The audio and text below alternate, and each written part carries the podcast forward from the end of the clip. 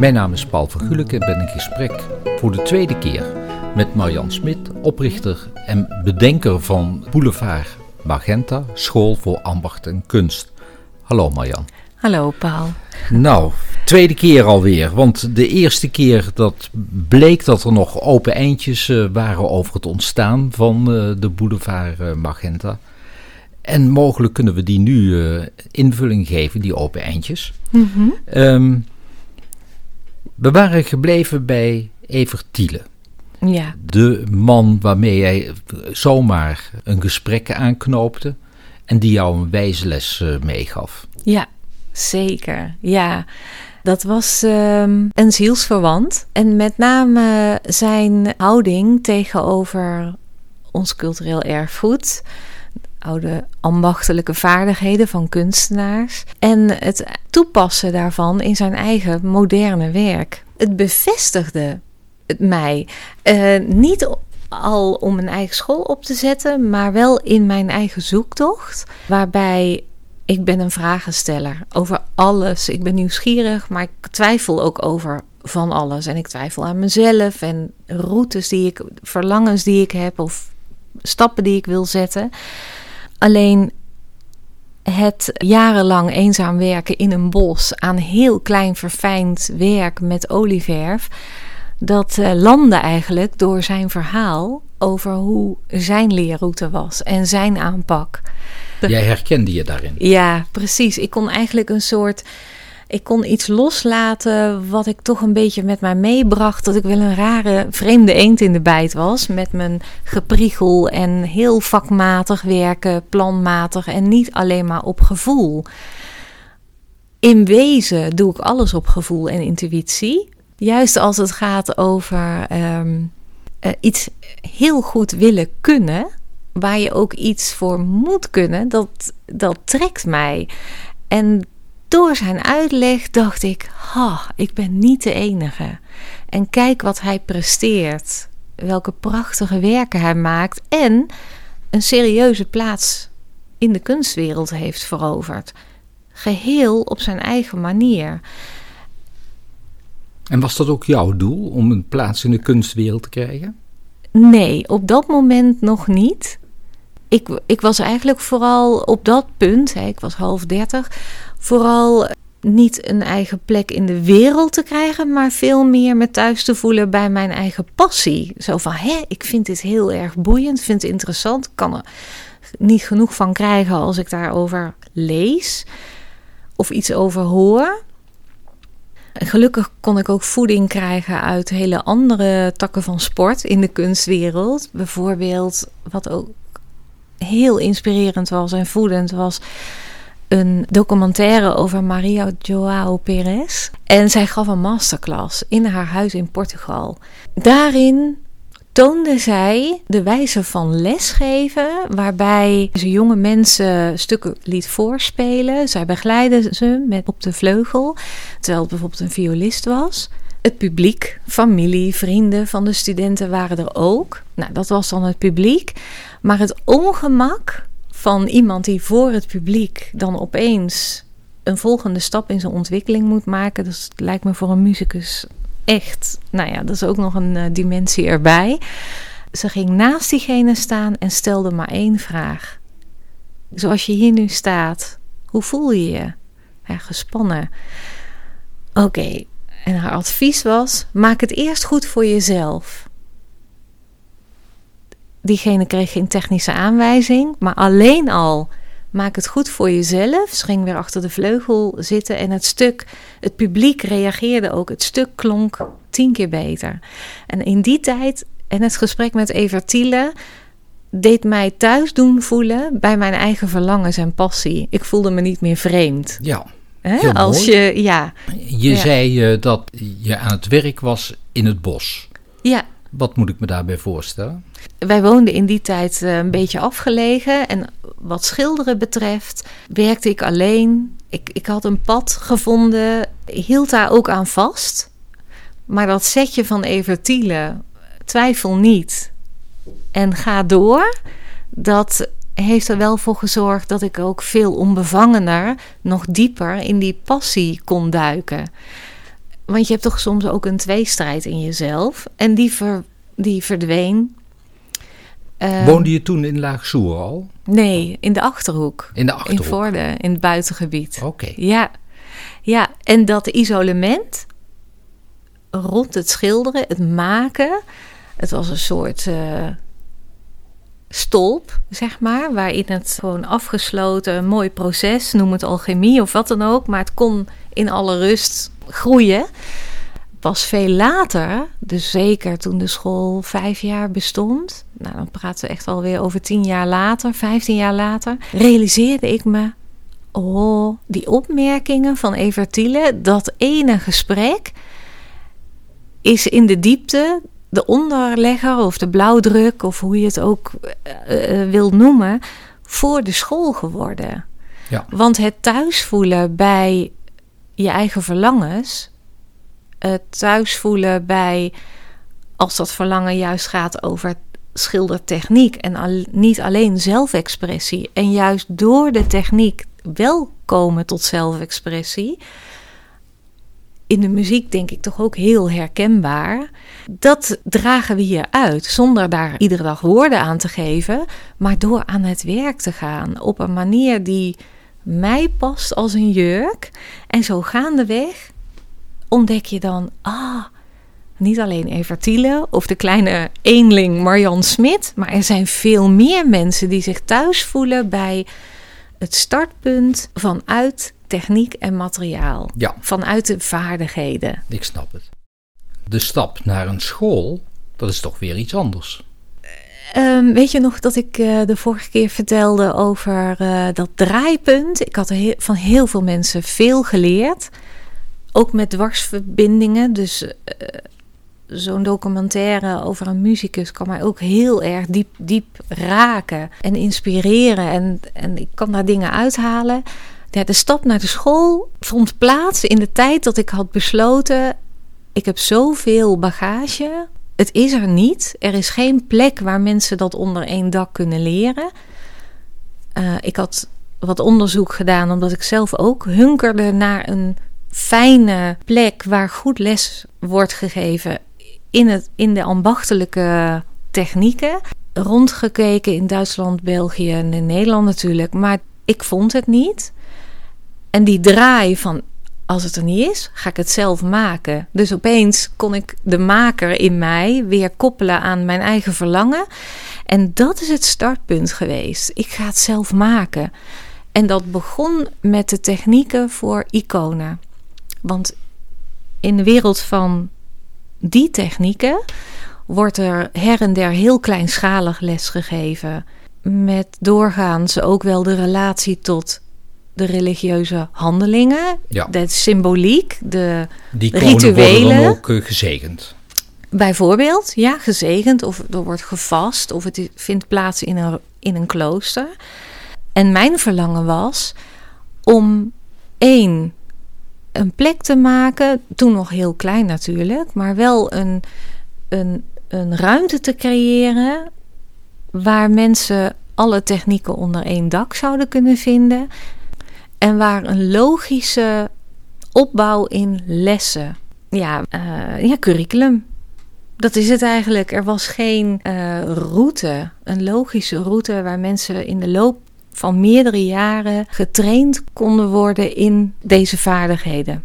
En, en die school, die was bij jou zelf thuis? Ja, wij woonden toen op een oud landgoed. Klinkt uh, goed. Goed hè, maar wel met 50 anderen, want het was een landgoed met meer appartementen. En boven ons appartement zat een klein ander appartement. En dat werd niet verkocht. En toen ben ik gaan bellen met die projectontwikkelaar. Uh, mag ik het huren? En daar ben ik les gaan geven. En dat was uh, groot en klein genoeg. Het paste helemaal bij de stap die ik toen zette.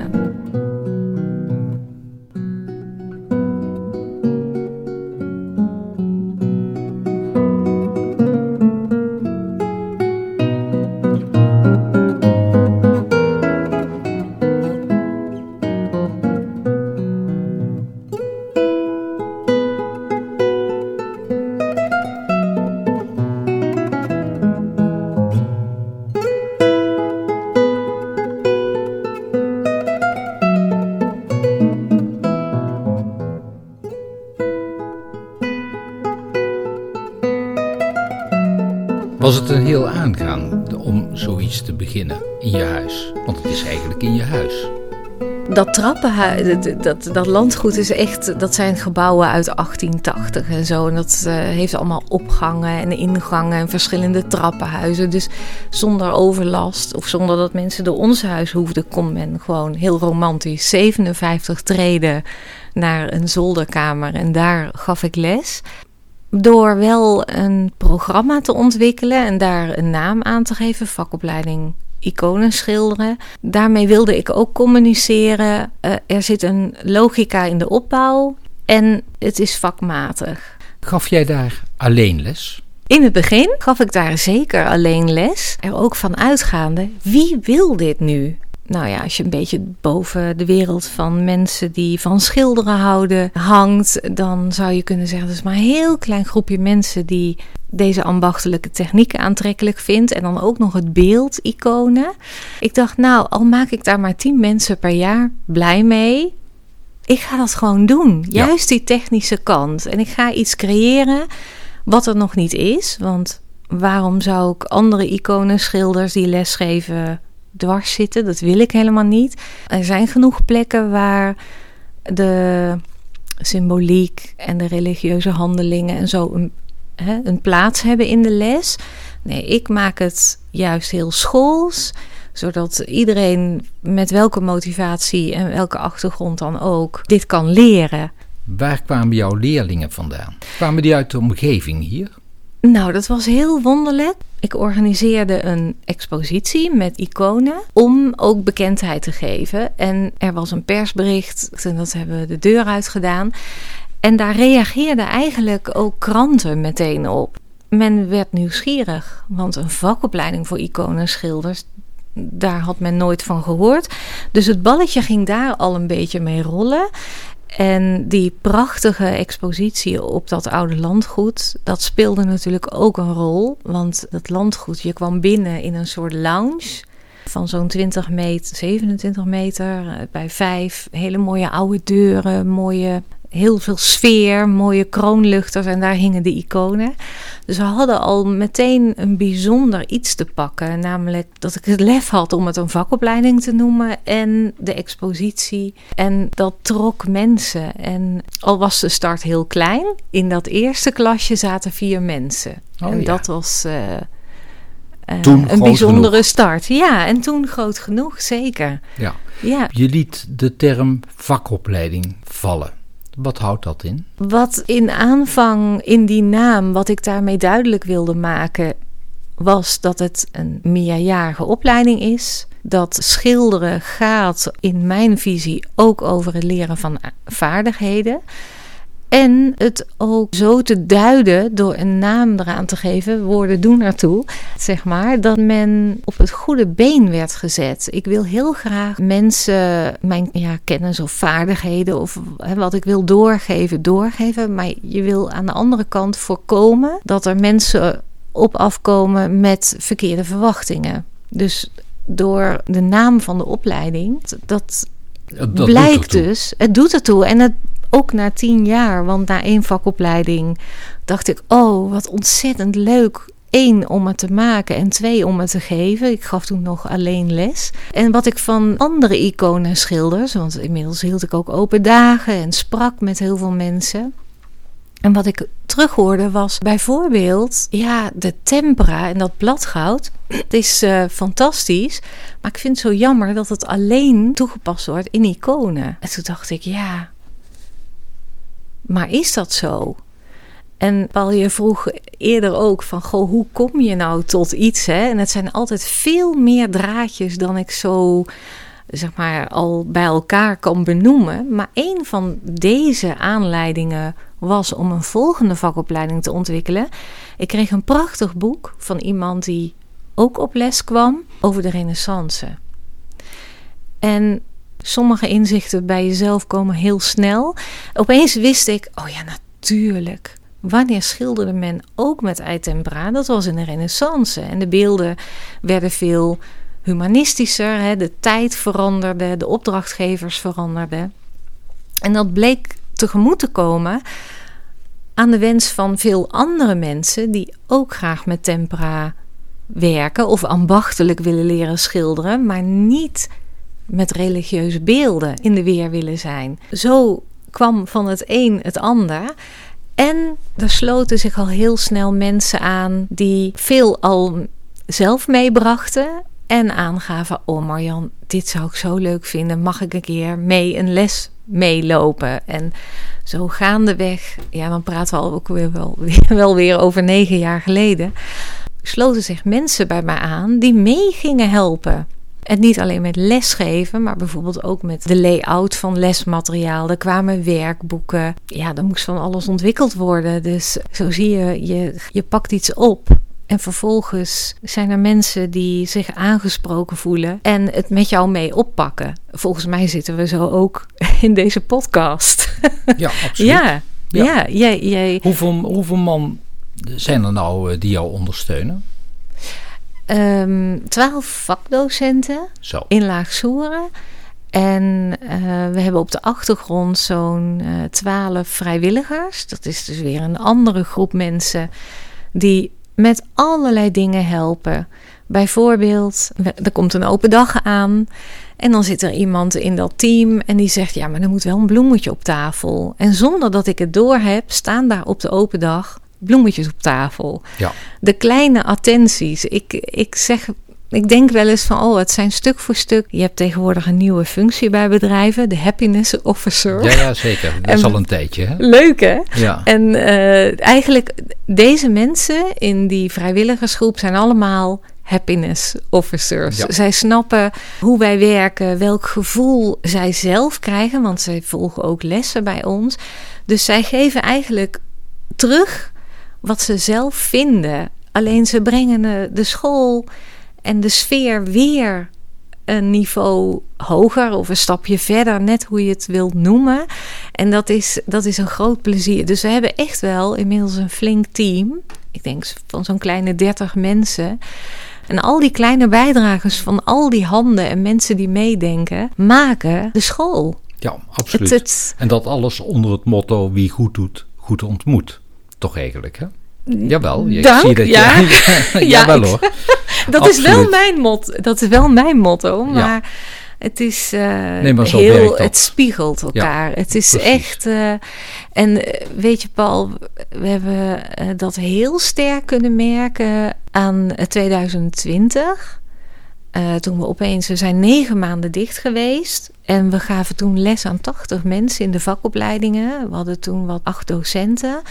En eh, dat opeens 80 mensen met ons meespringen in online lessen.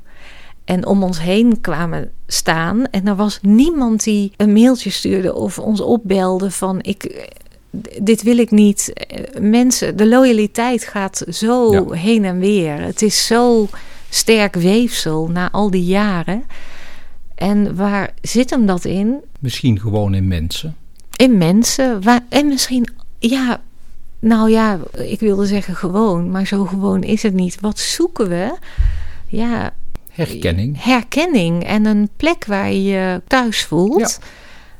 En eh, waar je gezamenlijk aan een heel mooi onderwerp werkt. Ja. En ieder voor zich. Een gezamenlijke passie. ja, precies.